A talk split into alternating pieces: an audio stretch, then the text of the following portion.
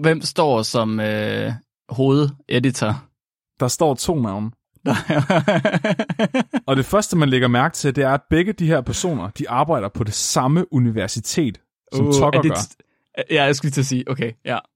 Den ene af dem er en astronom, der er kendt for at tro på UFO'er.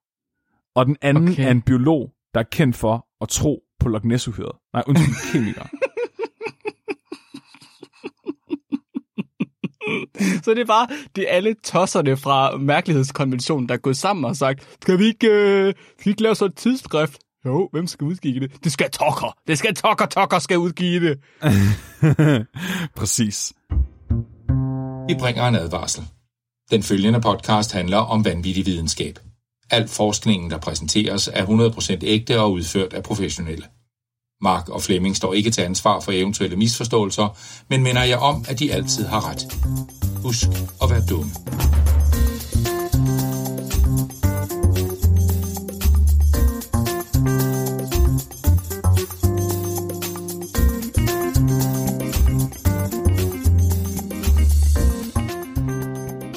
Hej alle sammen, og hjerteligt velkommen til Videnskabeligt Udfordret. Jeg har låst en lås, så ingen kan låse den op, efter jeg er død, Mark Lyng. Jeg vil godt være en sten næste gang, Flemming.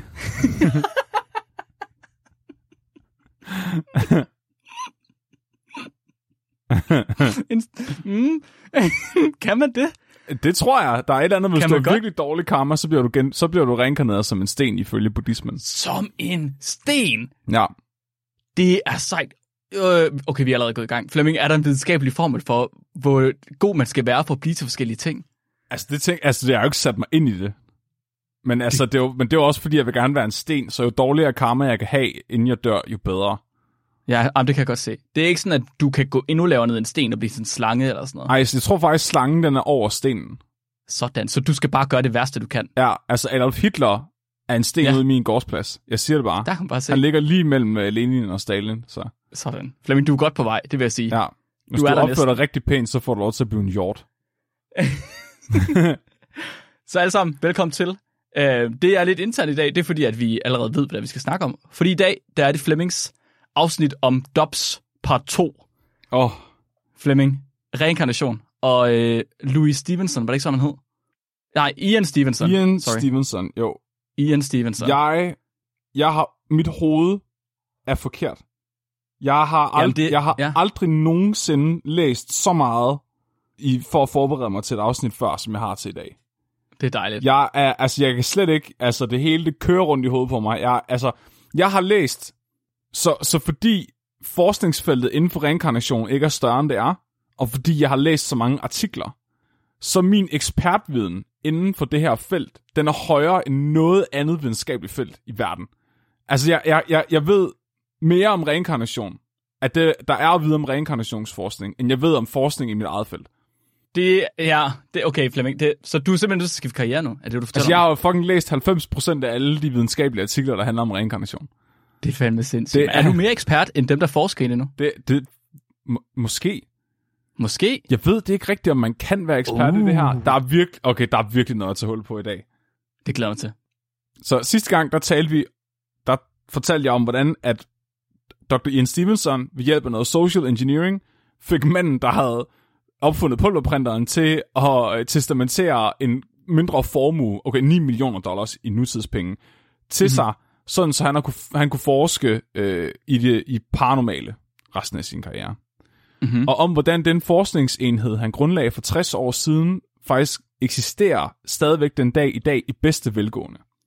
Så sidste gang, der var spørgsmålet ligesom, hvordan er reinkarnationsforskning og sådan telepati og nærdødsoplevelser og sådan noget blevet til en universitetsfelt, noget du kan tage en PhD Ja. indenfor. Hvordan er Ja, det blevet ja. en videnskab?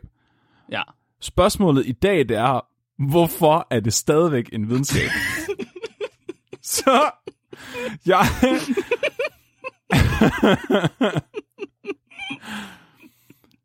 Det er den her indstilling, som jeg virkelig havde håbet, altså som jeg troede, vi skulle have på sidste gang.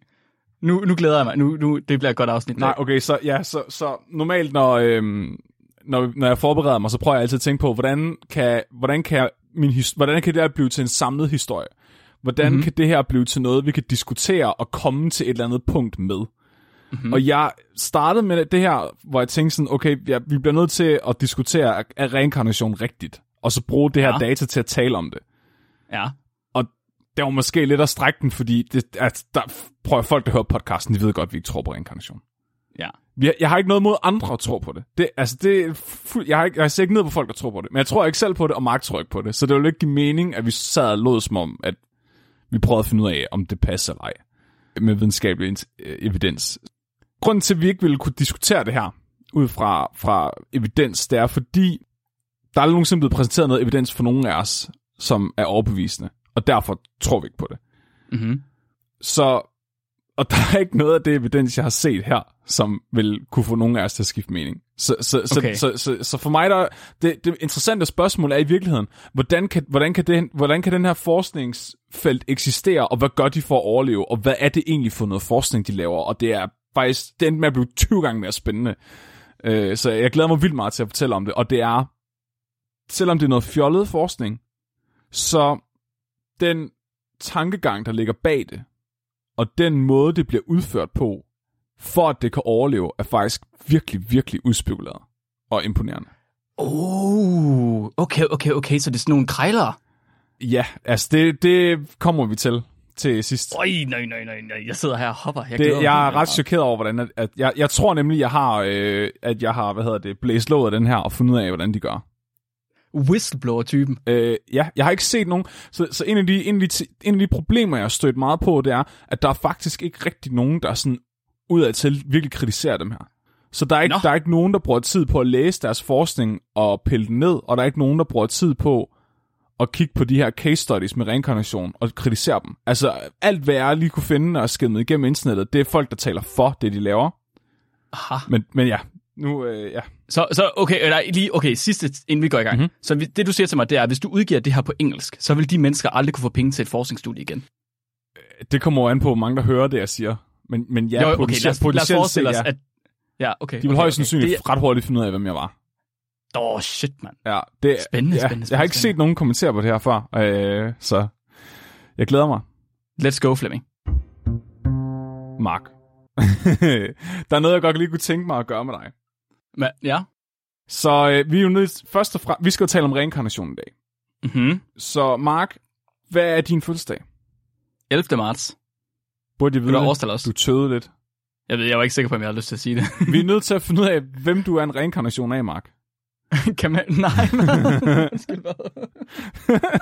Skal jeg sige årstal også, eller hvad? Nej, det gør ikke noget. Okay, Øh, 11. marts. vi, så øh, ja, der er en hjemmeside her, hvor du kan faktisk gå ind og slå op, øh, hvilke kendte personer, der er død på din fødselsdag, uanset år. Så jeg håber, vi finder noget.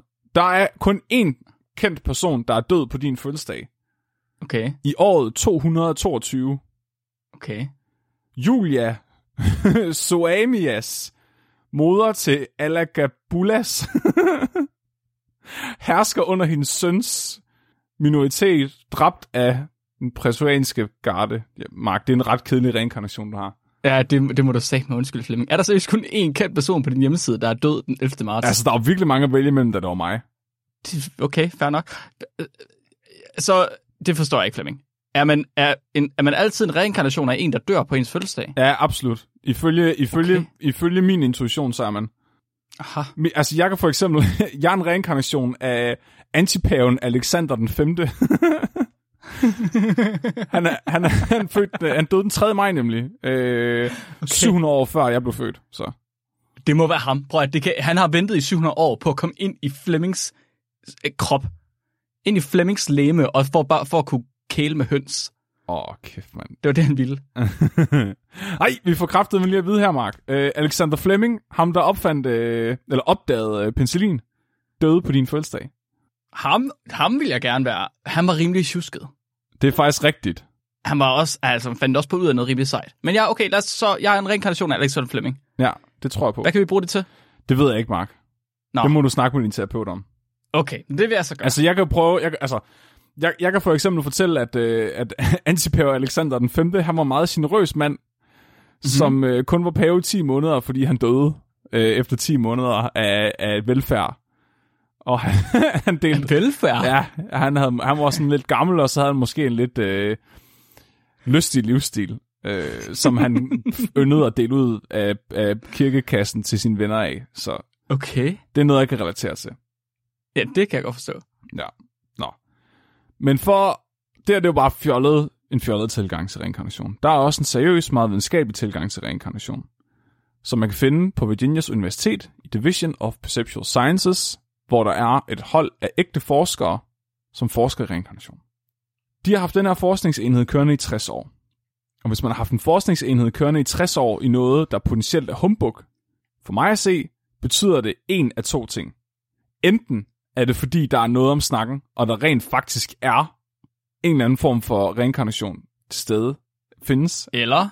eller også er man virkelig, virkelig god til at svindle. Uh, jeg kan bedst lide den sidste. så de forsker ikke kun i reinkarnation på DOPS, som jeg også fik nævnt sidste gang. De forsker alle mulige forskellige ting, men reinkarnation er deres øh, hovedforskningsområde. Okay.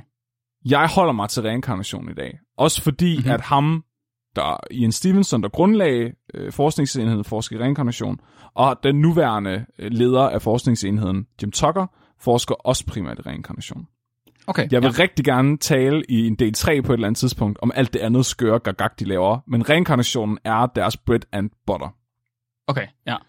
Vi har altså her at gøre med øh, enten et utroligt vildt svindelnummer, eller noget overnaturligt.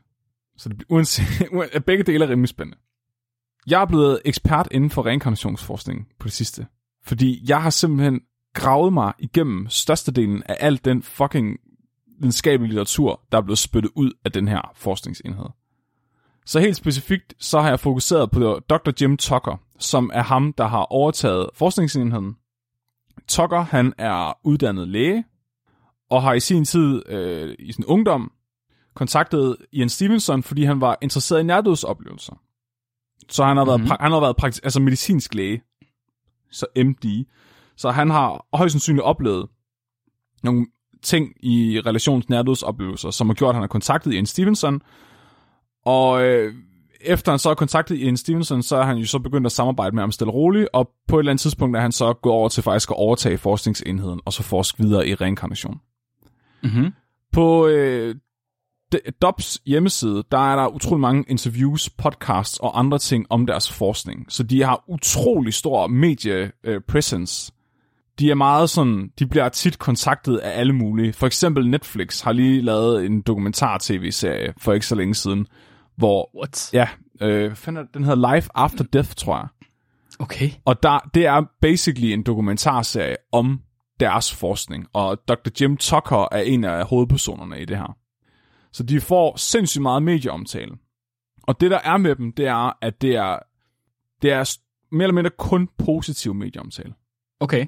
Et godt eksempel på det her, det er at en af de videoer, de har liggende på deres hjemmeside selv, det er faktisk, hvor John Cleese, som er øh, den her person fra Monty Python, den, øh, ham den høje med overskægget, øh, synes åbenbart, at det er vildt spændende, det de laver, og er gode venner med Jim Tucker. Mm-hmm. Og der er simpelthen et interview øh, af John Cleese med Jim Tucker, altså hvor John Cleese interviewer Jim Tucker. Og der bliver egentlig mere eller mindre sagt det, som alle andre tænker om ham, hvis at man måske ikke lige er inde i sådan forskning ellers. Og det er, øh, det, den her person overfor mig, han er læge, han er ægte læge, derfor skal du lytte til, hvad han har at sige. Han er faktisk, og det er skide overbevisende, fordi det er rigtigt, han er jo en autoritet, han er jo Jamen, det er rigtigt. uddannet, altså ja. Og når, når, når, når, når Tucker så skal fortælle om, hvad der foregår her, så fortæller han jo også historien om Stevenson, og om hvordan Stevenson var en veletableret psykolog med en god karriere, inden han begyndte at, at interessere sig for reinkarnation. Så han får ligesom understreget, at det her det er ikke bare en eller anden kuk, der er gået i gang med noget. Det er egentlig en, en veletableret psykolog. Men han fortæller ikke noget om tørprinter, og han fortæller ikke noget om alt det her social engineering for at få penge, og han fortæller ikke noget om, at Stevenson også interesserer sig for alt muligt andet med altså telepati og tankelæsning og sådan noget. Og der er, ingen, der, sto- der er ingen, der stopper interviewet på den tidspunkt og siger, Nå ja, men Linus Pauling, han troede jo også, at øh, makrodoser med C-vitamin, det ville kurere cancer. Men det er jo det, fordi de, men- ja. De mennesker, der kontakter ham, er nødvendigvis ikke de mennesker, der lige har den viden i baghånden. Nej, nej, klart. Så øhm, jeg har skimmet igennem alle artiklerne, som Tucker har skrevet om reinkarnation. Nogensinde. Mhm. Så Det er, mange. øhm, er det mange? Det, det er okay mange. Det er okay. Det er ikke overvældende mange, det er sådan rimelig overskueligt. Okay. Så øhm, det- jeg har fundet ud af, det er, at størstedelen af hans, art- eller alle, altså alle hans artikler, de kan, de kan kategoriseres på tre forskellige måder.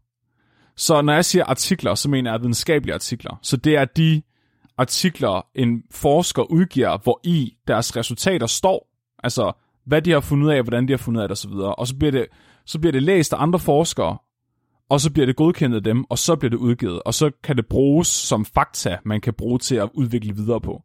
Ja. Så jeg har læst, de her artikler har jeg læst. Der er tre forskellige slags. Den ene er case studies, så dem har vi haft mange af på podcasten. Det er egentlig ikke mm. rigtigt, hvor man undersøger noget, det er bare, hvor man beretter, jeg har observeret det her, og så siger man bare, hvad man har set. Ja, Så så for- inden for biologi kalder vi det for et observationsstudie. Præcis. Altså det kunne, det kunne lige så godt, at der, der var nogle danske læger, der engang udgav et observationsstudie eller case study af en øh, kvinde, der faldt i søvn, efter hun havde spist makrel. Ja, den har vi faktisk haft med en gang. Så det, Nej, øh, så, det, så det kan være hvad som helst. Ja, det kan det. Så er der øh, rev- reviews. Altså det er, hvor du, mm. øh, for, du beretter om, hvad forskningsfeltet er lige nu. Så det vil sige, du laver heller ikke noget ny forskning. Du kigger faktisk bare på, hvad er, eksisterer der allerede af forskning. Så der, der, der er også noget her, hvor der faktisk heller ikke er nødvendigt at generere data i nogle af de her to typer. Mm-hmm. Og så den tredje, det er studier, hvor de har analyseret udsagn. Så når jeg siger udsagn, så mener jeg, at øh, Stevenson gik jo i sin tid i gang med at interviewe børn, der var reinkarneret. Ja. Og så skrev han de her reinkarnationscases eller, eller udsagn ned.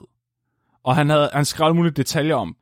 Den dag i dag, der har de over 2.500 af de her udsagn om reinkarnation. Åh, oh, det er mange. Og dem har de digitaliseret. Ja. Og så har de kategoriseret dem. Så det vil sige, at de har krydset nogle forskellige ting af. Altså, hvad køn har barnet? Hvor gammelt var barnet, øh, da det så det her? Øh, har barnet mm-hmm. nogen minder om navne? Har barnet nogen minder om fødevarer? Bum, bum, bum, bum. Det lyder som rigtig dataforskning. Præcis. Og det er det, de her studier er. Det er, hvor de laver statistik på øh, udsagnene. Okay? Mhm. Så det er, de, det er de tre ting, de gør. Ja, okay. Jeg vil gerne starte med at tale om de her statistikstudier. Så mm-hmm. øhm, der er ikke særlig mange, faktisk. der er kun tre sådan solide øh, statistikstudier, som han har udgivet. Altså, han har kun lavet tre studier, hvor han i virkeligheden genererer data. Præcis. Okay. Så øh, den første, den har vi haft med før. Den hedder Childhood, Gender, Non-Conformity and Children's Past Life Memories fra 2018. Det var, de, det var børn, der var blevet født som et køn, men følte sig som et andet, eller sådan noget. Så troede man måske, de var døde som det andet køn. Var det sådan? Ja, så det er, kon- konklusionen er, at transkønnede børn oftere er reinkarneret fra et andet køn, end ikke transkønnede børn. Ja, okay. Ja, ja, ja. Så du ja. ved, det er jo bare at lave statistik. Okay, de transkønnede børn, der er kommet udsagn, hvilket køn var de nu, og hvilket køn huskede de selv, de var. Okay, så det er en årsag-sammenhæng ting, de Ja. har forsøgt at lave der. Ja, Så de har fundet en sammenhæng, men de ved ikke, om det er årsagen. De har bare, det går de bare ud fra. præcis. Ja. Så er der uh, some bodily malformations attributed to previous lives fra 2005. Er det ligesom Ian Stevenson, han havde en fornemmelse af, at han havde bronkitis, og troede, det var, fordi han var død af en gut, der... Øh, han var genfødt af en gut, der havde øh, rygerlunger eller sådan noget. Lige præcis. Ja, okay. Det går, man, hvor jeg er on point her. Ja. Det kan også være sådan noget med, hvis du øh, tror du, altså hvis du mener, du blevet skudt i hovedet, så har du en et modermærke der, hvor du blevet skudt. Ej, kom på, ja, ja, ja. Eller hvis nu du ser Jesus i en toast, så er det fordi, at du var Jesus. Det, altså. Ja. Så lige præcis, Mark. Øh, det, det er sådan noget. Ja, okay, okay, okay. Og så har du uh, cases of reincarnation type with memories from the intermission between lives. Så der er en, åbenbart en fraktion af de her reinkarnerede børn, som kan huske, at der er sket noget imellem de er blevet genfødt. Øh, okay. Så, som om de ligesom har været i sådan en form for øh, interdimensionelt venteværelse, inden de er blevet genfødt. Og de har, de har siddet i limbo. Ja, præcis. Altså, og Simpelthen. måden, det er ikke særlig mange cases. Jeg, det er virkelig, virkelig få. Men, men, og de er meget forskellige alle sammen. Det er sådan noget med, nogle af dem siger, at de er blevet hentet af en mand med en hvid kåbe på, taget hånden og ført væk. Nogle af dem kan huske, at de har, observeret deres egen begravelse, og Øh, nogle af dem beskriver, at øh, hvordan at de har mødt deres nye forældre og selv valgt dem, og så er fløjet ind i deres underliv og sådan noget. Altså... ja. Flået ind i deres underliv. Og Okay. en af de ting, man... man nu, ja, nu skal jeg måske ikke begynde at tale ned allerede, men en af de ting, man skal huske tage højde for, det er, at Stevenson, han var primært i Østen og indsamle de her historier. Mm-hmm. Og det er her, hvor der er rigtig mange religioner, hvor at reinkarnation faktisk er en del af religionen. Ja. Så børn bliver faktisk fortalt, at de er en reinkarnation af deres farmor, eller et eller andet. Altså fra de små. Ja. Okay? Ja. Så er der case studies. Rep, øh, så case studiesne, det er så den næste kategori, som jeg snakker om tidligere. Hvad er der der? Der er nogle forskellige case studies, men der er en af dem, der er særligt interessant, som jeg vælger at dykke ned i nu her. Så det er uh, The Case of James uh, Linninger fra 2016. Og det er okay. også. Jim B. Tucker. Så det er, det er en dreng, som hævder at være reinkarneret som en pilot fra 2. verdenskrig. Så den her dreng har simpelthen kunne huske, at han har været en amerikansk pilot under 2. verdenskrig, der er blevet skudt ned og død Okay. i et flystyrt. Okay. Og den her Hvor, pilot... øh, Ja? hvor gammel er han, først og fremmest? Okay, så han starter med at kunne huske det her, inden han fylder to år gammel. Inden han fylder to år. Undskyld, hvad? Ja, så lige så snart han er begyndt okay, at kunne nej, kommunikere, har han kommunikeret det her. Okay, okay, okay. Hvad? Okay. Ja, det er ret. Okay, så nu, nu, nu, nu, nu fortæller jeg dig historien, som Jim Tucker han selv fortæller den i sin artikel. Skal, skal jeg bare være stille og, og høre historien, eller... Nu, du får den fantastiske version først, og så får du måske den realistiske bagefter. Okay, fint. Ja, så, øh, så venter jeg bare. Ja. så øh, de identificerer faktisk den her pilot, som drengen husker, at han er blevet genfødt som. Ellers fra. Mm-hmm. Hvis navn, og hans navn var James Houston. Og der var Okay. rigtig, rigtig mange ting, der lige pludselig passede sammen. James Linninger, han bliver født som en sund og normal dreng den 10. april 1998. Alting ændrer sig øh, dog sådan lige omkring hans to års fødselsdag, fordi her er de taget på familietur til et andet verdenskrigs museum i Texas. Og her der er en større samling af flyvemaskiner og andre ting relateret til luftvåbnet fra 2. verdenskrig. Lille James, han får nogle souvenirs med hjem. Han synes, det er det pissefedt. Brum brum. Øh, To Det år gammel, ikke? som en toårig, når man er inde og se et krigsmuseum. Det er jo mega fedt. Præcis. Han får nogle legetøjsflyvemaskiner med hjem, og så får han en videofilm med hjem, der hedder De Blå Engle. Okay. Så den her videofilm, det er en dokumentar om en gruppe øh, piloter, der blev kaldt De Blå Engle, som faktisk vist nok stadigvæk findes i dag, som er nogen, der lavede sådan nogle demonstrationsflyvninger for offentligheden, så man ligesom kunne se, wow, militæret, shung. America, fuck yeah. og det er som om den her tur til flymuseet og den her video vækker et eller andet inde i lille James hoved. Fordi der ligger et eller andet latent i hans hjerne, som ligesom vågner ved de her associeringer Mm, og kommer i tanke mhm. om noget. Det er, det er, fordi han er slipper igen fra Rusland, og nu skal han slå, sin, sl- slå præsidenten ihjel. Ej, det var bare en dum forklaring. Nå, Okay. Tydeligvis, fordi han er reinkarneret, Mark. Nå Så det, han var der, ser- var. det var der, han var. han ser den her video igen og igen og igen og igen.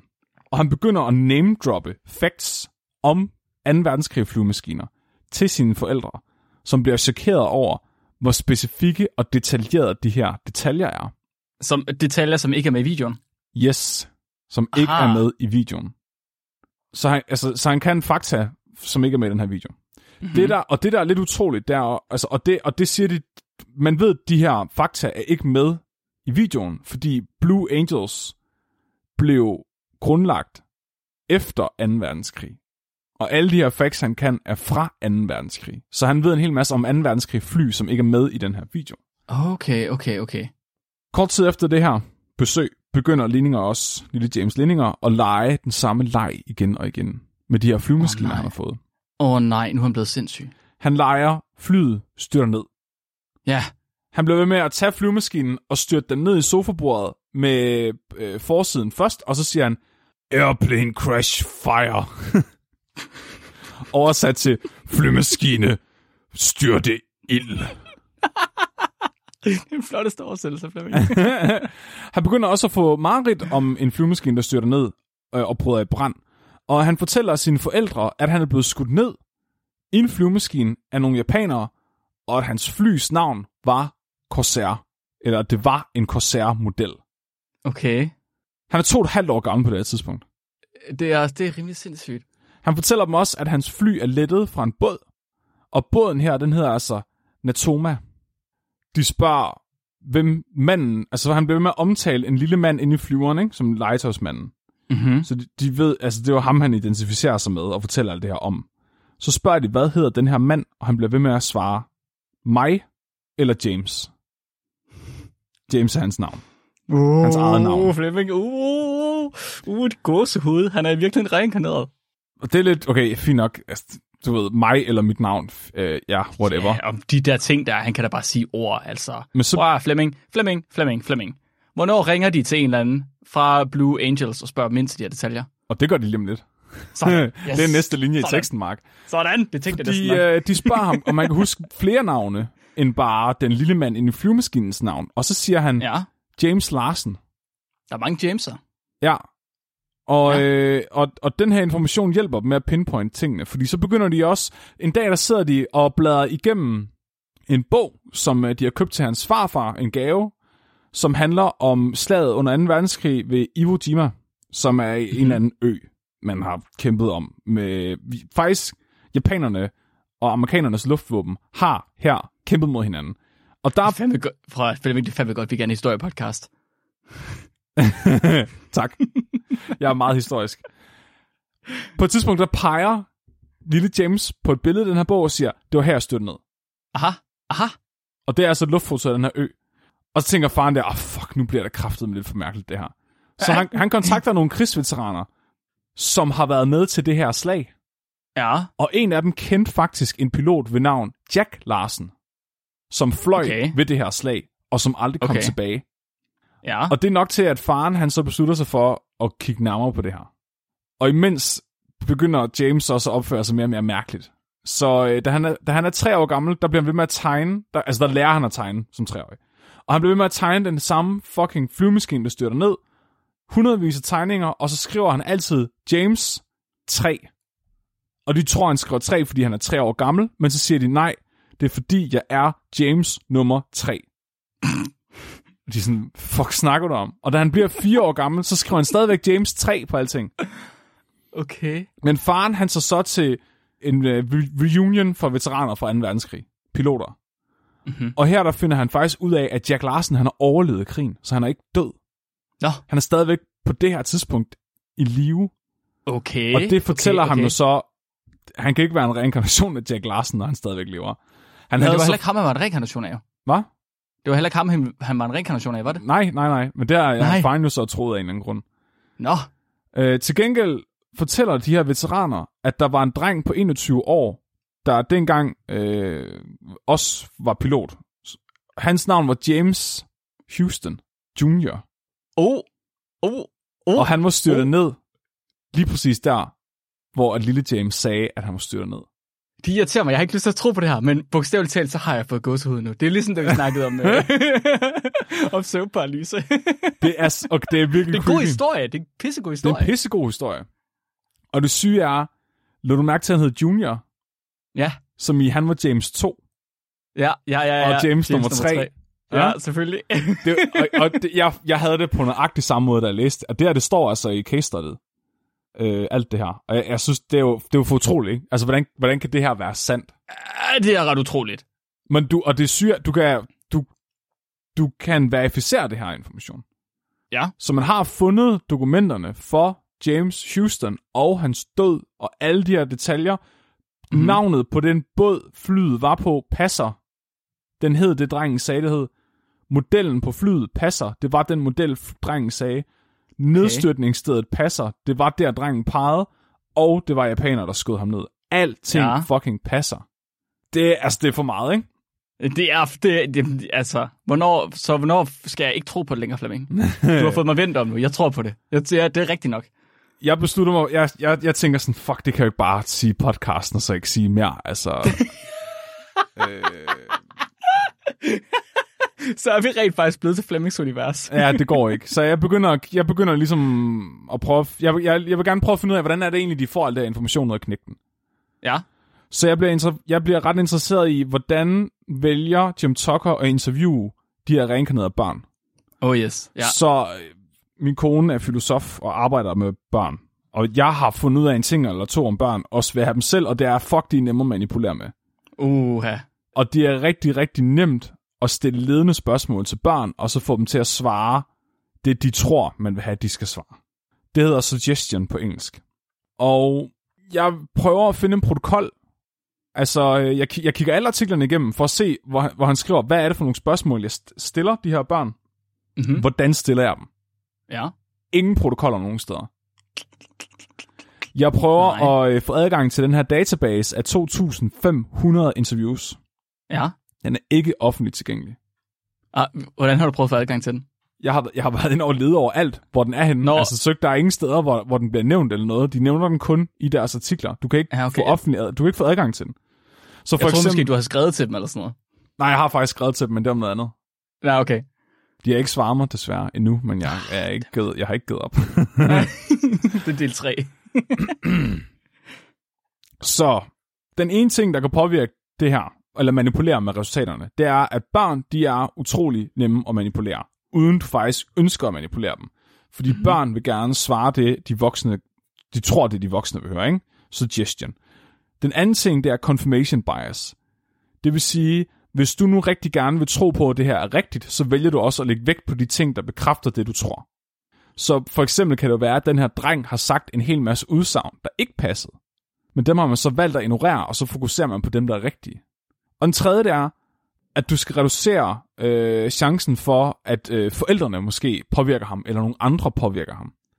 Så hvad nu, hvis forældrene har fortalt ham, at han skal sige de her ting? Eller hvad nu, hvis at der er nogle andre ude i, altså, i hans sociale omgangskreds, som har orkestreret den her reinkarnation? Så jeg vil gerne finde ud af, om de tager højde for det her, og hvordan Jim Tucker, altså de har gjort det her i 60 år. De må have en rimelig god protokol for, hvordan fuck de har styr på det her. Jeg har bare ikke lige kunne finde den. Så det, jeg, jeg har ligesom prøvet at finde ud af, hvad, altså, hvad vil jeg selv gøre, hvis jeg skulle gøre det her. Så jeg vil for eksempel sørge for, at øh, barnet ikke øh, var sammen med dets forældre under interviewet. Mm-hmm. Fordi så er du sikker på, at barnet ikke vil søge bekræftelse i sine forældre og prøve at finde ud af, hvad mine forældre er, skal svare. Mm-hmm.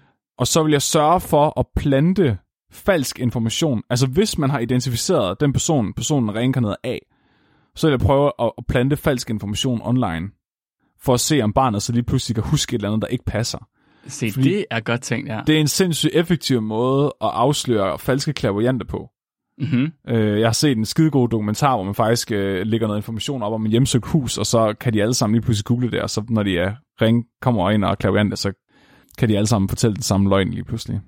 Jeg tænker også, der må være noget i forhold til at tale en efter munden.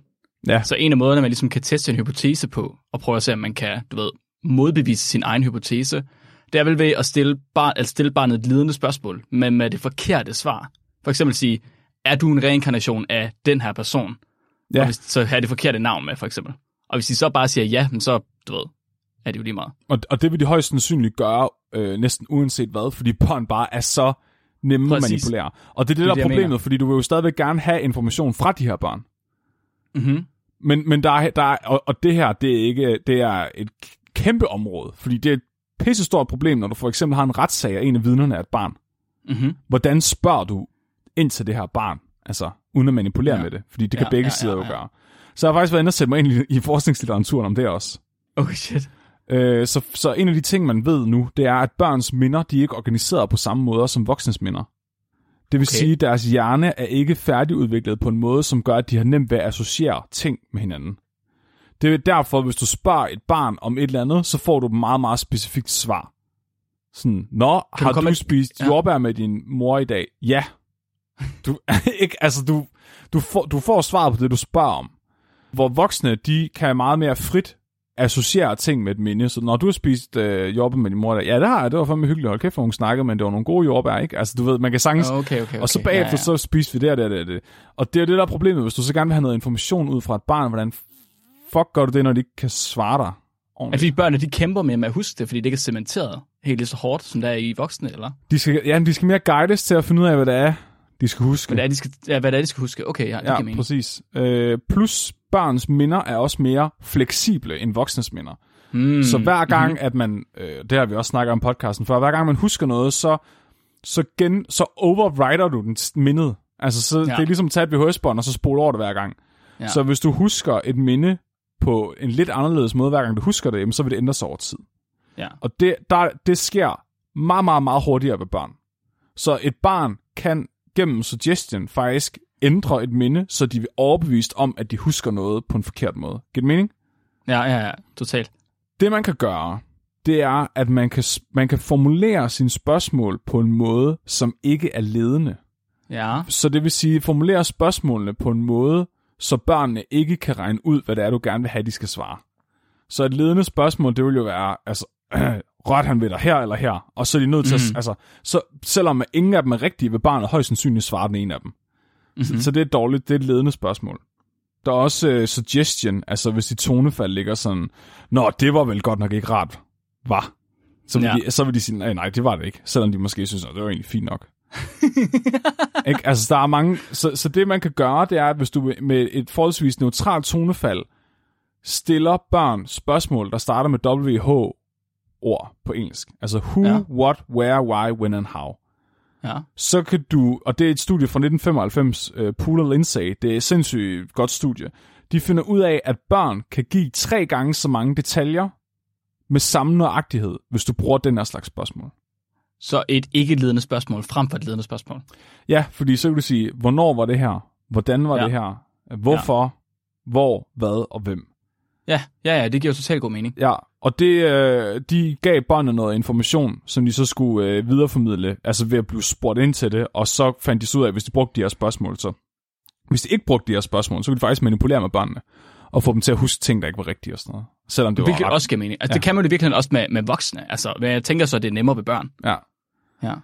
Og en af de ting, jeg synes, der var lidt interessant at læse om det her, det var, at øhm, det her, det er indtil 8 års alderen, det er sandt. Okay. På hvilket tidspunkt tror du, at øh, reinkarnerede børn holder op med at huske deres tidligere liv?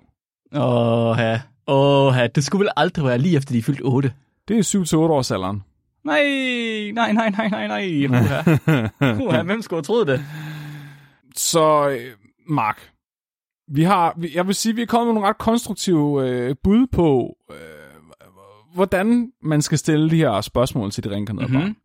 For ligesom at sikre sig, at man ikke kommer til at putte ord i munden på dem, og for at undersøge, om der er nogle andre, der har puttet ord i munden på dem. Og, og det næste, du så vil, fra, at du vil fortælle mig, det er selvfølgelig, at det er de typer af spørgsmål, de har stillet til de her børn, for at få det mest objektive studie ud af øh, deres, altså deres, de mest objektive observationer ud af deres studier. Har jeg ret i det? Mm. Så det var også det, jeg troede. Eller også havde jeg måske håbet på noget andet. Måske havde jeg håbet, jeg kunne sige, at de spørgsmål, han stiller, er helt forkerte. Ja, Men det kan jeg ikke engang, Mark. der er ikke nogen spørgsmål. Han har ikke selv interviewet drengen. Hvad? Den Hvorfor her artikel er skrevet 16 år efter det er foregået, og al hans information er fra forældrene. Nej. Nej.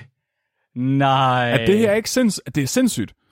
Så alt det, 16 hele den historie, efter. jeg lige har fortalt dig, og alt det drengen har sagt, det er forældrenes udsagn. Jeg tror på intet længere. Jeg tror på intet længere. Og det her, det begynder at ændre alting. Ja, prøv at, prøv at, prøv at, prøv at. I weekenden, der var jeg til en familiefest, og øh, nu, det lyder nok sindssygt, at ham her drengen, han kommer med alle de her detaljer her. Men jeg tænker, det drengen, han har sagt, det er øh, flyvemaskine, øh, crash, ild. Right? Det er det, han har sagt. Og, og da jeg var til familiefest, så går jeg lige pludselig forbi min, øh, min jæse, og så råber hun, stop, stop, der er to krokodiller her. Og det tror jeg, altså hvis jeg skulle gøre ligesom hendes for, øh, James' forældre, så var der jo to krokodiller der. Det er jo 100% sikkert. Altså det, Ja. de var lige der. Jeg kunne se dem næsten selv. Krokodille Det havde jeg selvfølgelig også sagt videre til den forsker.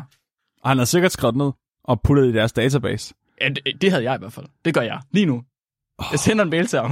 Okay, så, så, når, okay, så Mark, nu, men nu bliver vi lige nødt til at være sådan lidt pædagog, eller ikke pædagogiske, hvad hedder det, diplomatiske. Og- Fordi mm, når vi læser ja. det her, så tænker vi, okay, det er det 100% fake. Fordi forældrene, de har haft rig mulighed for bare at fabrikere alt det her og fortælle det til Ian Stevenson. Og som en god videnskabsmand skulle han have sagt, det er en pissegod historie, jeg kan ikke bruge den til noget, fordi jeg kan ikke verificere den. Men det får man ikke penge af. Præcis. Og det, øhm, men hvis man nu rigtig gerne vil tro på det her, den her Ja. historie, øhm, ja. så kunne man måske give dem benefit of the doubt og sige, måske er det bare, altså, måske taler de faktisk sandt. Okay. Måske har de været objektive, måske har de øh, stillet ikke ledende spørgsmål, måske har de ikke let efter information, før de stillede spørgsmål. Ja, præcis. Er der noget, er der noget, i, forældre, altså, er der noget i forældrenes adfærd, der kunne indikere, at de opfordrer drengen til at huske reinkarnationsting, eller til at de har de haft nogen form for motivation, der kunne pege på, at de har svindlet faktisk? Eller Mhm. er der et eller andet, der måske kunne have gjort, at de fejlagtigt har, som du siger, stillet ledende spørgsmål til drengen, og faktisk manipuleret med ham, uden de har ville gøre det? Mm-hmm. så for det første, så kan man se, at de ændrer hans historie. Og det er for mig at se et tegn på confirmation bias. Så øh, for eksempel, så, øh, så, og det var faktisk noget, du opfangede. Det var det her med, at øh, de har spurgt drengen, om han kunne huske andre navne, og så sagde han James Larsen. Mm-hmm. Men der havde faren jo så i starten behandlet det som om, at det var James Larsen, der var hans eget navn, og ikke hans kammerats navn. Mm-hmm. Og det er lidt mærkeligt, fordi det tyder jo på, at faren på et eller andet tidspunkt har været overbevist om, at det var hans eget navn, men så ændrer han historie til, at det ikke var hans navn. Og har drengen i virkeligheden sagt, at han hed James Larsen Ja, på et eller andet tidspunkt? så det der, det der er med det her, det er, at den her historie, den blev ret hurtigt populær. Ja. Og de har været rigtig meget i medierne, inden man identificerede James Houston som værende øh, drengens rigtige reinkarnation. Så det, det Rigtig ligner udad til, det er, at drengen har sagt, han hed James Larsen, og at de så har været ude lede efter ham, men at de så senere finder ud af, at det ikke passer, og så har de ændret historien. Okay. Hvad, og den der model af fly, det var også en Corsair hele vejen igennem. Det var ikke en... Øh, det står der ikke noget om. Det, alt det her, det er faktisk fra case studiet selv. er det rigtigt? Nå, det er altså, så al den her information er øh, inkriminerende information, vil jeg sige, bliver ikke behandlet som værende inkriminerende information i case-studiet. øh, Hans nå. forældre sagde også i øh, starten af i de her gamle interviews, ikke? at drengen sagde airplane crash on fire. Ja. Men senere siger de, at drengen sagde airplane crash, plane on fire, little man can't get out. Mm, Så du har, de har ændret historien over tid, ikke? okay. Ja, De, ja, ja. Så, altså, det ligner, de ændrer deres statements for, at de passer bedre til historien. Hvad får forældrene ud af det? At, ja, det er jo et godt spørgsmål, Mark. Det Ja. kommer vi til. Ja, okay, okay, okay. Det er måske også lidt tilfældigt at bladre igennem en bog med en toårig dreng, der påstår han reinkarnation fra en 2. verdenskrig-pilot. Øh, bladrer en bog igennem med ham. Tilfældigvis, som bare, bare var købt til hans farfar, som handler om det her. Det er slet ikke en mulighed, at de har vist ham den her bog. Og På forhånd. Præcis. Nej, nej, nej, det tror jeg ikke, Flemming. Det tror jeg, jeg tror ikke, farfar han har læst den bog med, med sin bedste, bedste, hvad hedder det? Det var bare tilfældigt, Barnebarn. at de gerne ville forære øh, farfar en bog, der handlede om drengens reinkarnationsliv. Ja, ja. Den har de da bare købt med hjem fra det der 2. verdenskrigsmuseum, Flemming. Præcis. Der, der er også meget, der tyder på, at øh, de har været interesseret i reinkarnation til at starte med. Mm-hmm. At det ikke er noget, de bare har indset på et eller andet tidspunkt, du ved, da femøren den faldt. Men det, de har faktisk kontaktet en reinkarnationsterapeut ret tidligt i forløbet. Carol Bowman, som er kendt forfatter af reinkarnationsbøger også, som opfordrede dem til at øh, tale med ham, som om det var ægte, og spørge ind til det. Så det vil sige, at de, Ja. de har faktisk fra starten behandlet det her som reinkarnation, inden, Ja. ja. de, inden alt det her. Okay, Men- okay, okay. Men, nu- men, men, men den Hvis- ene ting, der er overbevisende for mig, det er, Ja. at de har udgivet en bog om det her. Og den her bog er en bestseller, og de har tjent fucking kassen på den. De Ja. har været med i dokumentar. Ja. Og altså, Ja. ja. en masse, og de har været med i nyhedsudsendelser i Ja. hele fucking verden. De er blevet Ja. ja. celebrities. Vidste de godt, de ville blive det på forhånd? Åh, Mark. Uh, det er et godt spørgsmål. Det her, det er meget mere almindeligt, end man tror. What? De har, gjort, de har gjort en karriere ud af deres barn. Ja. Så en, et et eksempel på det, det er for nogle, øh, og nu har jeg ikke lige kilden foran mig, men for nogle år siden, der var der en, øh, en, øh, en politijagt, kan man kalde det, med en dreng, der efter sine skulle være inde i en kasse, der var ophængt i nogle ballonger, der fløj hen over øh, USA. Og Okay. det, det var en eller anden, det skulle være, efter sine være et eller andet uheld, du ved, hvor faren var kommet til, at drengen var kravlet ind i en eller anden kasse, så de her ballonger var oppe igennem garagen, du ved, og sådan. The Boy in the Balloon, ikke? Okay. Øh, den her historie var fake, så der var Mhm. mm-hmm. ikke noget i kassen. Faren havde fået drengen til at gemme sig op på loftet, mens at ballonen fløj afsted, for at de kunne få øh, opmærksomhed ud af det. Opmærksomhed. Hvad, ja. hvad? Okay. Det er måske en lidt mere bizarre en. Ja. Det bedste eksempel på det her, og det der ligner det er rigtig, rigtig meget, sådan virkelig uhyggeligt meget, det er historien om Kevin Malarkey. Så Kevin Malarkey, han var en, øh, som barn kom han ud for et trafikuheld, hvor hans far kørte bilen, og øh, de begge to blev hårdt kvæstet. Drengen blev så hårdt kvæstet, at han blev lam fra halsen og ned efter, og faktisk sidder i kørestol den dag i dag, er sådan en, man kører med munden. Mm-hmm. Men den her dreng lå i koma i to måneder. Og det, der var fantastisk, det var, at da drengen vågnede, begyndte han at fortælle om, at han havde været i himlen, mens han var i koma. Og den her historie, den bliver bare vildere og vildere. Han har mødt Jesus. Han har Mhm. mødt Gud. Han har set alle mulige fantastiske bibelske ting under den her koma. Øhm, og hans historie passer egentlig meget godt. Altså, den er altid meget consistent. Og sindssygt overbevisende. Altså, han kommer også i medier overalt, og øh, der bliver skrevet en bog. Hans far skriver en bog om det her. The Boy Who Came Back from Heaven. Og det var en New York Times bestseller, og den blev faktisk trykt to gange. Okay. Så bogen blev først uh, trykt, jeg tror det var tilbage i år 2010, og så blev den gentrykt igen i år 2015, og den er bare solgt latterligt mange eksemplarer, fordi den er, du ved, ja, det blev en mega kendt bog, og faren han er blevet stinkende rig på det. Den dreng, han er så kommet frem for ikke så længe siden indrømmet, at det hele var løgn. Ja, selvfølgelig. Og hans far havde fået ham til at lyve om det, og moren har hele tiden sagt, at faren stillede ledende spørgsmål. Så selvom faren måske ikke direkte har bedt ham lyve om det, så har faren stillet ledende spørgsmål. Og på en eller anden måde, du ved, måske er der ikke rigtig nogen af dem, der har vidst, de løg. Måske har faren bare stillet ledende spørgsmål, og drengen har talt om efter munden, og så har der været noget confirmation bias, og du ved, så ruller bolden. Og lige pludselig så passer det bare. Og der kom den her historie ud af det. Det er, lidt, det er lidt det, jeg tænker, der sker for mange af dem, der er så overbevist om det paranormale. Det er min egen holdning i hvert fald. Nu, vi mener selv, at det ikke passer, så lad os bare gå efter det. Men at folk de bliver så overbeviste om, at de passer. Altså, de har det her confirmation bias, så de kan ikke andet end at kigge på de ting, der passer. Det er også det, man siger, at det er derfor klavervariante, de ligesom, at deres job det fungerer, fordi de kan bare sige generelle ting, og så på et tidspunkt, så rammer de rigtigt. Og hvis ikke de lige rammer rigtigt, så kan de bare lige, ah, ah, så afværger vi bare lige og siger noget andet i stedet for. Sådan, åh, du har, du har en bedsteforælder, der er død, har du ikke det? Åh oh, jo, ligesom 95% af alle i hele Ja. verden. Ja. Men det er jo det ikke, der er confirmation bias, fordi mm. du Mhm. lægger vægt på de ting, den klaverante siger, der passer, og ikke det, der ja. Ikke passer. Du, øh, at du bliver selv stillet ledende spørgsmål, som gør, at du faktisk giver den klaverante information, som vedkommende mm-hmm. kan bruge. Altså, Ja. de alle tingene her, det er meget det samme. Ja. Og der er også rigtig meget, der tyder på, at, at forældrene her har fået drengen til at fabrikere en del af historien, og så har de fået mange af de ting, der måske ikke passede, fjernet. Fordi moren siger også, at hun har skrevet alle drengens udsagn ned på papir, Okay, ja. men efter de udgav bogen, smed papirerne ud.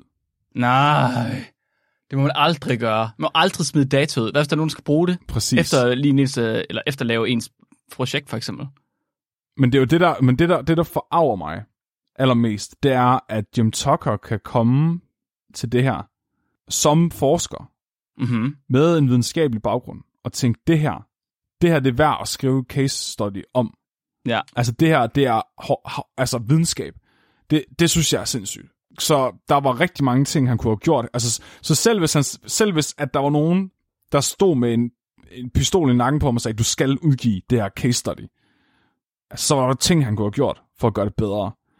Han kunne for eksempel have set den film, som drengen efter sine havde set, for at verificere, at der ikke var nogen 2. verdenskrig ting med i den. Mm-hmm. For måske Ja. at verificere, at der ikke er nogen flystyrt med dem, som kunne have gjort, at drengen begyndte at lege de her lege. Mm-hmm. Han kunne have besøgt det flymuseum, drengen har været på, for at se, om der var nogle ting i udstillingen, der kunne indikere, at han kunne have fået information derfra. Mm-hmm. Alle de her ting kunne have hjulpet til at udelukke, at drengen ikke har fået informationen andre steder fra. Han kunne have plantet falsk information for at undersøge, om forældrene øh, plantede Ja. informationen i, hos drengen. Yes, yes, yes. Altså, og han kunne have bedt om at få øh, alle de her noter, som åbenbart ikke længere eksisterede. Altså, han kunne ligesom have sørget for at få nogle af alle de udsagn, der ikke passede. Han udgav den 16 år efter, Ja. det var sket, eller hvad så? Har det været i 2016? Han udgav artiklen i 2016, og Okay. i år 2000, der var drengen James to år gammel. Ja. Hvornår smed moren papirerne ud. Det var efter, det udgivet bogen. Ja, så det er seks år siden. Det er seks... Men Så, okay, men så har hun smidt papirerne ud, før han kunne udgive studiet. Ja, Så han kunne ikke få fat i dem, fordi hun havde smidt dem ud. men han Smidt kunne, have dem bedt, han kunne have bedt dem om, og du ved, fortælle noget mere. Uh ja, det er rigtigt. Det er sindssygt. Men, men det, der, det, der virkelig er sindssygt, det er, jeg har jo, nu har vi jo ikke adgang til de her 2.500 andre cases. Mm-hmm. Så for det første, så hvis du har 2.500 cases, og du tænker, den her, det er den ene case, der er så stærk, den er værd at udgive en artikel om, Mm-hmm. så fortæller det virkelig noget om, hvor dårlige de andre er. Det er der overhovedet ingen tvivl om. Hvor mange case studies har han? Ved du det? Jeg tog, altså hvor mange, altså han har udgivet, Ja. det er ikke særlig mange, det er mindre end fem. Nå, hold da op ud af 2500. Ja, det, jeg, det her, det er den eneste, hvor der er navn på. Det er også mærkeligt, at navn på i virkeligheden. Ian Jeg- Stevenson udgav nogle flere, men Jim Tucker Ja. ja. har kun udgivet den her med navn på. Det er sjovt også, Altså, for, nu, ja, du sidder og siger, okay, ja, det er ret sjovt, den, der er navn på. Altså, det, det er lidt specielt. Og du sagde også lige før, at han havde udgivet den, efter at bogen var kommet ud. Mhm. Mm-hmm. Og at han kunne have gjort mange ting for at gøre den bedre. Altså, Flemming, ja. jeg, jeg tror måske, jeg har en idé om, hvor du får hen til. Mhm. Mm-hmm. Men grunden til, at han har udgivet det studie her, det er fordi, der er omtale om det. Det er fordi, han kan få penge fra det. det er helt sikkert en del af det, og det er Right. virkelig, virkelig tydeligt udad til. Altså, ja. han har... Øh, han har virkelig en persona, der virker professionel. Så han går altid i slips og jakkesæt. Altid totalt øh, nyklippet og designerbriller. Altså, han er virkelig... Han har en aura af autoritet. Mm-hmm. Og han kan levere det her lort, som om det er videnskabelig fakta. Altså, han kan, Der, ja, det er jo sygt. Du kan, du kan, du kan, du kan tage ind til din nabo, sidde og drikke kaffe, og så kan din nabo fortælle om, hvordan de så et spøgelse, da de var børn. mm-hmm. Ikke fint. Hvad fuck kan du bruge det til? Hvis Jim Tucker gjorde det, så kunne han udgive en case study om det. Og sige, jeg har videnskabelig evidens for, at der findes spøgelser, og her er det. Med den samme information. Det er det, han det har er gjort. ikke- Det, det, det, er, men det er så sindssygt, at der er folk, der har kigget på det med kritiske øjne og sagt, ja, det der, det der, det der, det er sgu da videnskab. Det er sgu da rigtig forskning, det der. Hold kæft, man prøver. Åh. Det er lige til nature. Kan du mærke det? Det er sindssygt. Men, du, men, men, men, men det er også vildt ikke, fordi med den her fremgangsmåde, så kan du sådan set udgive videnskabelig forskning om alt. Ja, ja, Altså, du, Præcis. de kunne lige så godt undersøge, om nisser findes, ved at tale Fuld- med folk, der har set nisser. Fuldstændig. Og det vilde er, at de kunne rent faktisk have fundet ordentlig forskning ud af det. Altså, de kunne have lavet... Så jeg ved godt, de har lavet de der statistikstudier øh, studier allerede, men det var ud fra de interviews, de havde lavet, ikke? Som Ian havde lavet. Jo. Og de har stadig de her 2500 case studies. Men han samler, Hvorfor-? Ian Tucker samler også stadigvæk ind også. Altså, det er, det er en kollektiv Okay. samling. Men om ikke, om ikke andet, hvorfor er det, de ikke bruger de her 2500 case studies til at lave noget øh, data mining? Og se, okay, er der nogen sammenhæng imellem det, de her mennesker, de har oplevet? Men det gør Kan- de kan- også. Og det gør de også. Det, det, der, det, er den der, det, det er den første slags studier. De der, du ved, statistikstudier, hvor de siger transkønnethed og... Det er også på, okay, det er på case studies. Okay, Så, så Fair det, men, men det er det. Men alligevel, Mark, selvom de har det her data, mm-hmm. hvis, der, hvis de ikke har nogen standardiseret måde at få dataene på, altså hvis de ikke er kritiske på dataene, altså at sørge for, at det er førstehåndskilder, og det ikke er forældrene, der fortæller dem det, og alle de her ting, ja, ja, ja. så er de jo intet værd. Nej, overhovedet ikke. Nej, nej, nej, det skal filtreres på forhånd, altså. Det, og det er det, der er sindssygt, fordi her der har du 60 års dataindsamling, Mm-hmm. mm. som er totalt værdiløs. Fuldstændig. Og det, Øh, er, er, det, er det, der bliver lige stillet et spørgsmål i Discord, som er ret vigtigt. Er mm-hmm. det alt sammen peer-reviewed, at det han udgiver? mm-hmm. jo ja, det er det. Og nu er I klar? Ja. Fordi jeg fik en åbenbaring i løbet af alt det her, ret okay. sent i processen. Ja. Jeg har, jeg har fundet ud af, hvordan det her fucking cirkus, det kører. Nå. Nå, nå, så nå, hvad så? alle de her videnskabelige undersøgelser, Kom så, Flemming. De Blow er- my whistle, de- baby. de er udgivet i videnskabelige journals, altså, og de er blevet peer-reviewet af andre forskere og godkendt. Det her, Ja. det er totalt vandtæt videnskab. Udadtil. og det, det her, det er så fucking udspekuleret, at det kan være andet end overlagt. Så hvis du... Så jeg begyndte først at finde ud af, at der var noget galt, da jeg vil undersøge hans publikationshistorik. Altså, hvad for nogle forskningsartikler har han udgivet. Ja. Så jeg går ind, der er en database, der hedder PubMed. Det er den, vi alle sammen bruger til at finde forskningsartikler på. Hvis du søger derinde, der kan du finde stort set al forskning, der nogensinde er blevet lavet af alle. Øh, hvis det er blevet peer-reviewet i journal, ikke? Jeg søger ja på... stort set, ja. Stort set. Hvad? Stort set. Stort set. Naturvidenskab, stort set. Det er fandme sjældent. Jeg tror, det er måske 5 ud af 1000 artikler, jeg ikke kan finde derinde. Og det, tænker, det er en god måde at få en idé om en forsker på, fordi så får du en idé om, hvor meget forskning de egentlig har været med til at lave. Altså, hvor meget genererer de. Det er ligesom, du ved, en kunstner og mange malerier, de lavet, og hvor- hvor gode er de her malerier. Mm-hmm. Hans hjemmeside siger selv, at han har udgivet to bøger og utallige artikler. Utallige, utallige. Det er et tal, man ikke kan utallige artikler. Det er et tal, man ikke kan komme op på. Ifølge PubMed, der er utallige 106 artikler. Flemming, Flemming, Flemming. Kan du tælle til 106? jeg For gider er ikke. sikker på, Jeg, jeg, kan. tror, Nej. jeg tror godt, jeg kan. Utallige, ja. 106 videnskabelige artikler, altså det, det er rimelig godt. Det er pænt mange for et liv. Altså det der... Men for en, der er førende forskningsleder i sit eget felt, ikke? Altså, men, men på den anden side, hvis han så er en af de eneste, der forsker i det, så er det ret svært at udgive så mange artikler. Men også, Flemming, det kan være kvalitet over, over kvantitet. Ja, ja, præcis. Ikke altså, det kan være, de bare pisse gode, de artikler. det, for at sætte det i perspektiv, ikke? så en anden, en anden celebrity-forsker, øh, som er på alder med Tucker, det er Eske Mhm. mm-hmm. Villerslev. Ja. Han har Okay. udgivet, han, han, er, han har, når man søger på ham på PubMed, så kommer der 286 artikler op. Ja, det er noget mere. Det Men Eske Villerslev, han samarbejder også med psykopat mange mennesker. Ja. Og det kan, ja, det kan Tucker ikke lige frem. Nej. Så, find, så opdager noget spændende. Ja. Det viser sig, at der er mere end en Jim Tucker inde på PubMed.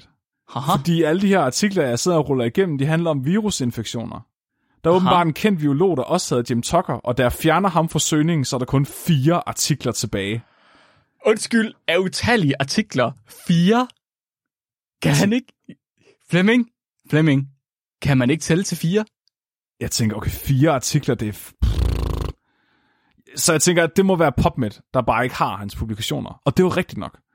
Så hvis du går ind på øh, Dobbs egen hjemmeside, så, øh, så kan du se øh, alt deres research output fra forskningsenheden.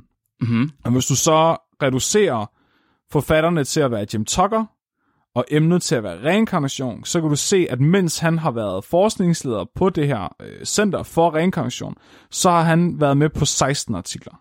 16. Igen, 16 er også et tal, man ikke kan tælle til. Jeg vil sige, 16 er ikke utallige. Nå, det synes du ikke. Måske har han udgivet rigtig, rigtig, rigtig mange videnskabelige artikler, mens han var læge, inden han begyndte at forske i reinkarnation. Gælder det også?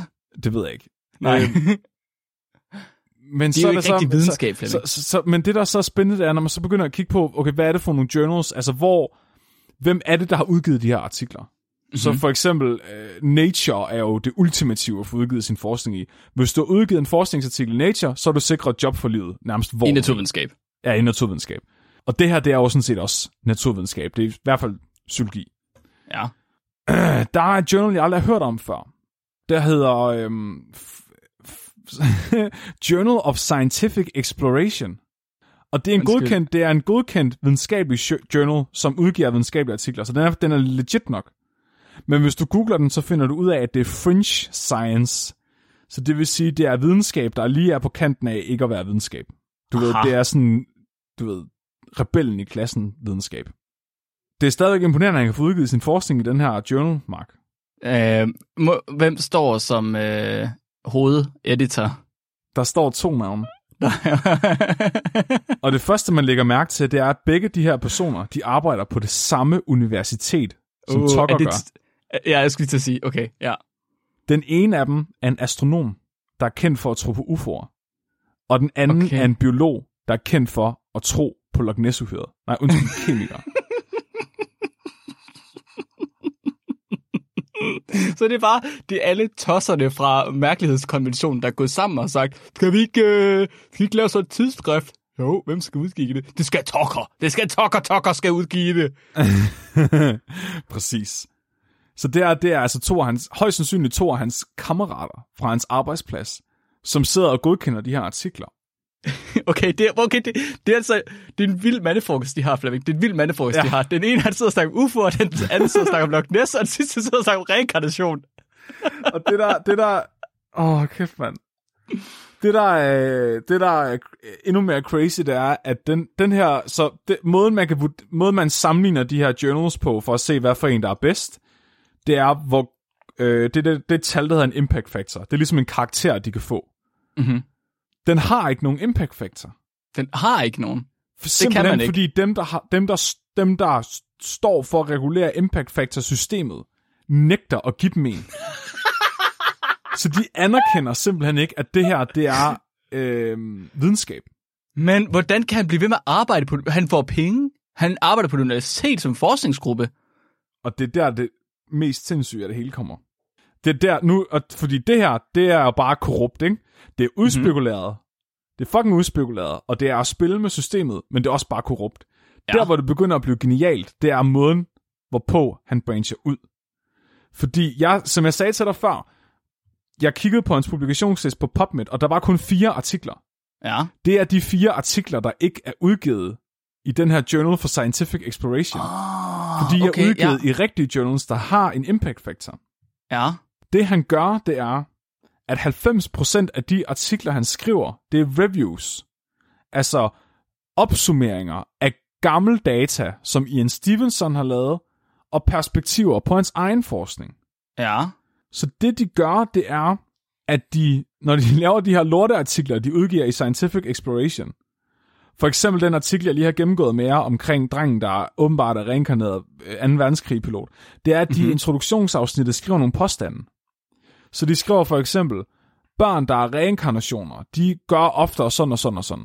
Og reinkarnerede børn øh, kan ikke huske noget efter de 8 år gamle. Ikke? Så du har alle mulige fakta om reinkarnation i de her artikler. Men der er ikke nogen kilder på. Så de kan ikke bevise, det er rigtigt. Men de skriver mm. det bare i introduktionen. Mm-hmm. Og hvis nogen rigtige forskere så det her, vil de sige, øh, det kan du ikke bare sige, du er nødt til at bevise, at børn ikke kan huske det her efter de 8 år gamle, og du er nødt til at sikre dig, at det ikke er på grund af for eksempel confirmation bias, at de bare ikke længere kan manipuleres med.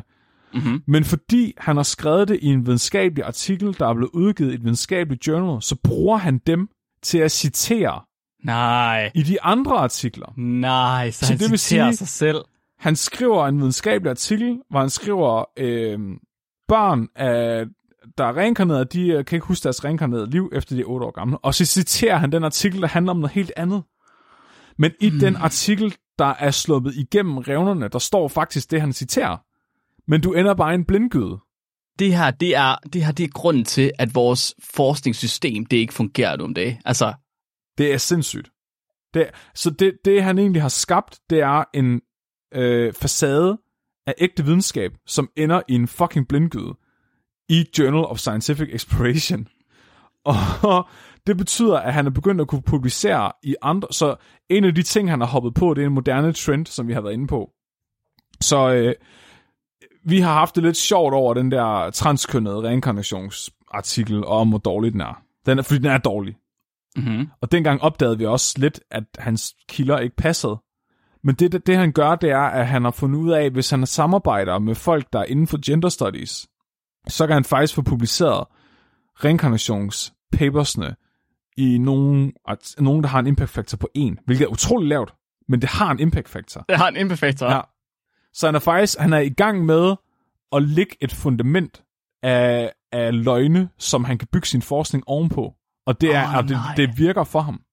Altså, John Cleese har interviewet ham for nylig. Altså, folk synes, han er the shit. Netflix har lavet en dokumentarserie, hvor hans forskning er det centrale emne. Og så foregår det her i baggrunden. Og det er Åh, simpelthen, nej. fordi det er, det, er så, det er så genialt gjort og så veludført, at du ikke opdager det, medmindre du er en idiot som mig, der bare sidder nej. og læser alt deres fucking litteratur og lægger mærke til det. Åh oh, nej, åh oh, nej, åh oh, nej, Flemming, åh oh, nej. problemet er jo, at alle dem, der kigger kritisk på dem, de, altså enten så er det forskere, som bare siger, det her det er så dumt, jeg ikke engang gider bruge tid på det, eller også er det nogen, der måske lidt tror på reinkarnation, og så, så bare går til ham, som ikke Præcis. altså, kan finde det her svar selv. Og så er der nogle dumme mennesker, som ved, hvordan forskning fungerer, men som alligevel gider at bruge deres tid på sådan noget her, som mig. Åh oh, nej. Flemming, du er, nødt til, du er nødt til at skrive det her om til et brev, og så sende det til University of Virginia. At det er jo, det er jo uetisk, det de har gang i. De tager, forskning, de tager forskningsmidler fra folk, der kunne arbejde på kur mod forskellige cancer. Ja, det er sindssygt. Det er fuldstændig sindssygt. Men, og, det, og det der er lidt... Okay, så jeg har ikke lyst til at bashe folk, der tror på reinkarnation. Jeg synes ikke, der er noget galt i at tro på det, og, og måske, og, men jeg synes, der er noget galt i måden, det, at det bliver udforsket på her. Ja. Så det, så det der er problemet, det er, at de har jo faktisk brugt 60 år på at lave forskning, der er værdiløs, og indsamle data, der er værdiløs. Fordi mm-hmm. i virkeligheden, så kunne du, du kunne godt undersøge reinkarnationsfænomenet på en ordentlig måde, hvis man sørger for at indsamle sine data kritisk, forholde sig til, altså hvad, hvad er det for nogle spørgsmål, altså standardisere, hvad er det for nogle spørgsmål, jeg stiller de her børn, og sørge for øh, at, at have en ordentlig database, der er tilgængelig til alle, så de kan kritisere hmm. den. Det kan godt, altså, det kan være, at de beviser, at reinkarnation findes på den her måde. Det kan også være, at man opdager noget andet spændende. Det kan være, at der er et eller andet fysiologisk fænomen i barnets hjerne, som simpelthen gør, at, de kan manif- at det manifesterer sig. Ikke? Altså, der, der, der må være et eller andet, der forklarer, hvorfor det forekommer. Men, mm-hmm. det, men, men den forskning, dobslaver, kommer aldrig nogensinde til at svare på nogen spørgsmål. God fucking damn, Fleming. Det er med whistleblowing på højt plan. Det er virkelig, for jeg er, så, jeg er så lettet over, at jeg er kommet af med det her nu. Dobs, vi skal alle derude, der øh, kan skrive på engelsk, skriv en mail til University of Virginia. Sig, at Dobs skal udryddes. Ej, er det, det for meget? Det, altså, det ved jeg ikke. Det er i hvert fald bare sindssygt, at universitetet tillader det. Fordi jeg synes ligesom, det stiller, altså, det stiller universitetet rigtig dårligt lys. Ja. Men jeg synes også, det stiller videnskaben i dårligt lys, at Dobbs ja. findes. Ja. Men det der med, at de ligesom kan snige sig ind af sådan en bagdør, det er fandme, det er fandme lusket. Ja. Og på ingen måde i orden. Og det er også, ja, men, det, det men, men, men, og, og det, for ligesom at gå full circle her, kan vi ligesom vende tilbage til Ian Stevenson og hans kombinationslås. Uh, jeg skulle lige til at spørge. Endelig. Så det der, det, der hvor, hvor canceren i den her forskning virkelig ligger, det er ikke ved Ian Stevenson, hvis du spørger mig. Fordi Nej. Ian Stevenson, han vidste ikke, altså dengang vidste man ikke bedre, og øh, hvad hedder det, psykologi generelt var stadig i sin infancy. Så måske det der med at standardisere interviewsene med børnene, var ikke noget, man var begyndt at overveje. Og ærligt talt, så er det jo noget, man skal teste for at vide, at det ikke findes. Og det var jo det, han gjorde. Ja, og, og det, det, det der er med det, der er, at Tucker burde vide bedre. Han ja. burde bruge nutids... Øh, ja. Altså, han har, ikke, han har ikke ændret noget. Det, der også er med det, det er for eksempel, at Stevenson, han var ikke bange for at opstille et eksperiment, som for eksempel kombinationslås-eksperimentet, som er utrolig nemt at, val- altså, at falsif- altså validere, om det er korrekt. Mm-hmm. Det ser du altså ikke Tucker gøre. Han opstiller ikke nogen eksperimenter, der kan afkræfte hans hypotese. Mm-mm. Alt, hvad han gør, det, det er til for at bekræfte hans hypotese. Ja. Så det er faktisk, altså jeg vil sige, det er Tucker, der har fordavet øh, den her forskningsenhed. Åh oh, nej. Så forskning var i virkeligheden okay, da Ian Stevenson han gjorde den? Det ved jeg ikke. Altså den var jo i sin, den var jo i, i sit, sin spæde stadie. Ja. Ikke? Ja. Altså, så det, det kunne have udviklet sig til noget brugbart, men det gjorde det Klart. ikke. Nej. Og kombinationslåsen, i år 2014 kunne du stadigvæk indsende bud på, øh, hvad koden er. Okay. Men det kan du ikke mere. Det kan man ikke mere? Så det fortæller os, at i år 2014, der var den i hvert fald stadigvæk ikke blevet låst op. Mm-hmm. Men i år 2014 er den så enten blevet låst op, eller også har Jim Tucker besluttet sig for, at det stiller forskningsenheden i dårligt lys, og ignorerer den derfor. Jeg har kontaktet dem. er det det, du har skrevet til mig om? Ja! Så jeg vil fucking gerne vide, om den der kombinationslås, den er blevet låst op. Mm-hmm. Så jeg har skrevet øh, oversætter øh, Hej, jeg er Flemming, jeg er en øh, videnskabsmand fra Danmark. Jeg skriver, fordi at øh, jeg er stødt på Dr. Ian Stevensons protokol for kombinationslås-eksperimentet, og var dybt fascineret. Mit spørgsmål er, om nogen endnu har øh, løst kombinationen til den her lås, som øh, Ian Stevenson har efterladt sig, og hvis ikke, har I så oplevet noget, der kunne indikere kommunikation fra Dr. Stevenson fra det hinsides indtil nu? Øh, bedste hilsner fra Danmark. Åh oh, nej, det, det, det, det svarer de jo selvfølgelig aldrig, aldrig, aldrig nogensinde på. De har ikke svaret mig endnu. Jeg lover, at jeg ikke giver op. Jeg har sendt den her e-mail til alle e-mails, der er på deres hjemmeside. Er det rigtigt? Fuck, du er for sindssyg. Er du sindssyg. Det næste, vi gør, det er, at vi begynder at ringe til dem. Virkelig. Oh. Det er fandme fedt, Flemming. Det er vildt med. Men det er, det, er en, det er en uge siden nu, og de har stadig ikke svaret mig. Okay, en uge er heller ikke mega lang tid. Det kan godt... Ja, ja. Jeg lover at give en uh, del 3. Så uh, skal vi nok se, om jeg kan have fået, uh, fået lidt gang i dem. Fuck, det er spændende, Flemming. Fuck, det er sejt. Prøv at det er en sindssygt god historie, og sindssygt godt fundet ud af. Hvor er det vanvittigt, Flemming. Tak. Tusind, tusind, tusind tak. Er vi øh, klar til øh, et lytterspørgsmål? Ja. Er du kommet så langt ned, at du godt kan et lytterspørgsmål nu? Ja, jeg føler lige, at jeg har, du ved, jeg ikke har været på toilet i to uger, og nu er jeg lige Ja. kommet af med det. Ja, jeg, kan- jeg kan godt mærke det på dig. Jeg forstår Ja. ja. det faktisk godt. Shit, mand. Det, det er ligesom, at, øh, hvis man skal fortælle, at præsidenten har slået en anden ihjel. det er basic det, du har gjort, Flemming. okay. Dagens lytterspørgsmål, det kommer fra Magnus Ganer, som har skrevet ind og spurgt, hvis du stopper med at spise, hvornår vil man så stoppe med at lave stort på toilettet, hvis det overhovedet stopper? Undskyld, hvem så havde spurgt om det, siger du? Det havde Magnus Ganer. Åh, oh, det er godt. Okay, så jeg har fået at vide, at lort, ja. Størstedelen af lort, det er døde celler fra ens krop, og i virkeligheden ikke resten af ens mad. Haha. Men jeg tror ikke helt på det. Men jeg, men jeg tror, men, men alligevel, altså, der er i hvert fald dødt væv for din krop, som er en del af din lort. Det er en del af det i hvert fald. Så hvis du stopper med at spise, vil du højst sandsynligt skide lang tid efter os.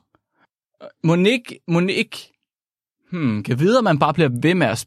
Ja, det er et virkelig godt spørgsmål. Kan, vi har ikke kigget på nogle sulteeksperimenter, hvor, og så set, om de holder op med at øh, gå på toilettet. Altså, så en ting, jeg tænker, der kunne påvirke det her. Selvfølgelig får du mindre afføring, fordi der ikke kommer rester fra din mad. Ja, Øh, du får også mindre fast afføring. Fordi jeg tænker, at meget af det, der samler øh, væsken, er vel fibre og ting og sager, som ikke kan, altså som, som kan holde på vandet, men som ikke kan ops, opsamles af kroppen Altså, eller man, får, kroppen. man får noget diarré. Men, men jeg tænker også, at, at antallet af døde celler, der bliver til afføring, højst sandsynligt falder. Så Mhm. mm-hmm. øh, man ved, at kroppen har, det vi snakket om en gang, øh, kroppen har jo det her sulterespons. Mm-hmm. Så hvis, at, øh, man ikke, hvis, man, hvis man faster, så begynder kroppen at øh, dræbe cancerceller mere effektivt. Den begynder at reparere skadede celler og dræbe celler, der ikke fungerer optimalt. Og genbruge dem. Ah, den, okay. den, altså, der, jeg er ret sikker på, at der er flere af kroppens afdøde celler eller døende celler, som bliver nedbrudt og genbrugt, frem for okay. at de bare bliver pøllet ud som en lort. Hvis, hvis du, altså, det, det er, hvad jeg tror. Det, der var på, på et tidspunkt, Flemming, i løbet af den nye sæson her, der er du ligesom gået hen fra at svare på de her spørgsmål, så åndssvagt som du kan, og rent faktisk til at bruge din erfaring og din viden, og det vi har sagt i tidligere afsnit, og det du selv ved fra din egen forskning, til at svare alvorligt på de her spørgsmål her. Hvad er der sket? Hvad er der sket? Jeg... jeg tror, hvis man holder op med at spise, så, så er det bedste, man kan gøre, det er også holde op med at skide, Mark. Oh, det tror jeg faktisk, du er fuldstændig ret i. Du skal Jeg holde på, hold jeg på tror- nakken. Hold på nakken. ja, det er det. Fordi, altså, sultne mennesker bliver jo mindre. ikke? De bliver jo tyndere. Mm. Men, hvis, men den eneste måde, du kan komme af med masse på, det er gennem lort. Ikke? Så du, hvis du stopper kroppen fra at komme af med masse, så kan du ikke blive mindre, og så kan du ikke svinde ind, og så kan du Det- ikke dø. Det er vel ikke den eneste måde, man kommer af med masse på. Øh, det tænker jeg. Okay.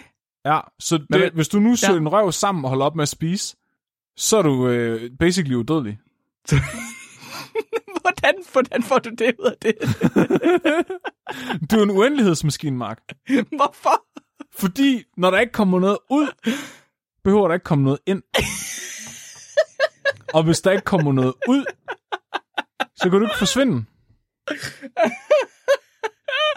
Jeg kan godt se det. Jeg kan godt se, du lukker bare. Du lukker for systemet. Du sætter bare en klampe på. Det er det, du gør. Du stopper bare. Ja. Det er rigtigt. Bare en prop i. Men det prøver det er ligesom, hvis du har en bil, Mark. Ja. Hvis du ikke kører i den, så går den ikke i stykker. Okay. Bare lad den stå inde i garagen. Hvis du ikke bruger dit tarmsystem, så, så kan det ikke blive slidt op. Så kan du aldrig få tarmcancer. og Derfor så lever du for evigt. Ja, Blandt andet. Fuck, det hvad tror du, svar, hvad. Mark, hvad tror du? Øh, hvis man stopper med at spise, hvornår man så stopper man at stå på toilettet, hvis der overhovedet stopper. Jeg tror, at grund til, at... Øh, ja, den er led, den her. Grund til, at Nikolaj han har så irregulære øh, toiletvaner, det er, fordi han kun spiser hver anden dag. Jeg tror, det er derfor. Han holder inter- intermittent fasting. Han spiser hver anden dag i stedet for. men, det stopper, men det samme, man stopper med at spise, så kommer der ikke mere lort ud. Det er bare, der skal være mad, for der kommer lort ud, Flemming. Bum. Det er du nødt til. Det er fordi, det tager for lang tid at skulle, skulle, skulle fange et børnehavebarn om, om en hver dag. Til at æde, eller hvad? I'm gonna swallow your soul. Jeg håber, du kunne bruge det svar, Magnus, på dit meget, øh, meget gode spørgsmål. Tusind tak for spørgsmålet. Så øh, vi har scoret sidste uges afsnit på Gargometeret, som er vores øh, lille barometer, vi har inde på vores hjemmeside, hvor man simpelthen kan se, hvor videnskabeligt udfordret hver af vores afsnit, skorstræk historie, er noget, der er lavet af Barometer Bjarke. Tak for det, Bjarke. Sidste uges afsnit, som øh, hed Hvorfor er vi allergiske? Den fik en samlet score på 69 gennemsnit af Mita Flemings score, og det var hovedsageligt fordelt på dens videnskabelighed og på dens læringsfaktor. Så den har været både meget videnskabelig og meget læringsrig. Hvilket er vist er et tema med min afsnit, Flemming, er det ikke det? Jo, du er sådan en voksen en. Jeg er sådan en voksen en. Jeg er sådan en, der godt kan lære folk ting. Ja, jeg kan bare godt lide spøgelser og prutter. Åh, oh, spøgelser og prutter. Og 69, det ligger den jo i samme omegn, så øh, nummer, hvad hedder den, nummer, åh, nu gør jeg forkert ting. Nummer 015 fra vores nyeste sæson. Hvad kan vi lære lige? Åh ja, det var også et godt afsnit, hvor oh. vi snakkede om, hvordan at øh, kroppen blev nedbrudt og blev oh, et op af nej, mad, ikke? Nej, nej, nej, Det var et godt nej. afsnit. Det skal I også høre. Det er nummer Nej, 15. lad være med det. Det skal I høre. Det er pisse godt afsnit. Næste uges afsnit, så allerede nu her på fredag, det vil sige for mig og Flemming, der er det om tre dage, to dage, i morgen og i overmorgen. Der skal vi ud, og så skal vi øh, lave et live-afsnit, eller live-optræden for øh, nogle mennesker, vi kender. Og det skal handle om Justin Schmidts smerteskala. I har måske hørt om den. en gut, der lå sig stikke af alle insekter overhovedet, han kunne finde. Det bliver på engelsk, så det vil sige, at vi kunne ikke optage det til et live show. Så det vi gør i stedet for, det er, at i næste uge, der optager vi det afsnit på dansk også. Har jeg ikke ret i det, Flemming? Ja, men når det her afsnit udkommer, så er det jo så for tre dage siden, fire dage siden, at vi gjorde det her. Ja, det er rigtigt. Så næste uges afsnit er det afsnit, du fortæller om nu. Og det er meta, det her. Åh, oh, okay. Vi optager bare vores afsnit tre dage senere eller sådan noget, Flemming. End vi plejer at gøre. Ja. Og så udgiver vi den lige bagefter næsten. Bum. Ja, det er sådan, vi gør det. Så det skal handle om en gut, der simpelthen lå sig stikke af basically alle insekter, han overhovedet kunne finde ud af, eller finde på jorden, for simpelthen at øh, lave en meget objektiv og kategorisk smerteskala, og finde ud af, hvor ondt gør det at blive stukket en bi. Og øh, jeg har en øh, ekstra bonusartikel med, der handler om, om øh, det går ondt at kigge på noget, der er grimt. Fordi ægte smerte er i sjælen, og ikke i læmet. Fuck, det er fedt. Det glæder jeg mig virkelig meget til. Det bliver et sindssygt godt afsnit. Jeg har øh, hentet to bøger på biblioteket og læst tre artikler, og jeg ved ikke hvad. Prøv at slap af. totalt stræberagtigt her. Flemming, er der noget, du gerne vil have, at folk de, øh, skal gøre, inden at jeg smider et dyrefakt? Jeg synes, det er rigtig hyggeligt med øh, dem, øh, der er inde og deltager på vores Discord. Ja. Og se hestebilleder og få, øh, få sendt øh, gode spørgsmål og memes. Uh, det kan vi faktisk rigtig godt lide. Jeg skal ærligt indrømme, jeg har ikke, øh, jeg har ikke været mega aktiv de sidste par uger. Det vil jeg gerne undskylde. Men øhm, hvis I har lyst til at komme ind og være med, vil jeg blive glad alligevel. jeg skal nok skrive mere, hvis I kommer ind. Det eneste, I skal gøre, det er at støtte os på tier med det, jeg har lyst til.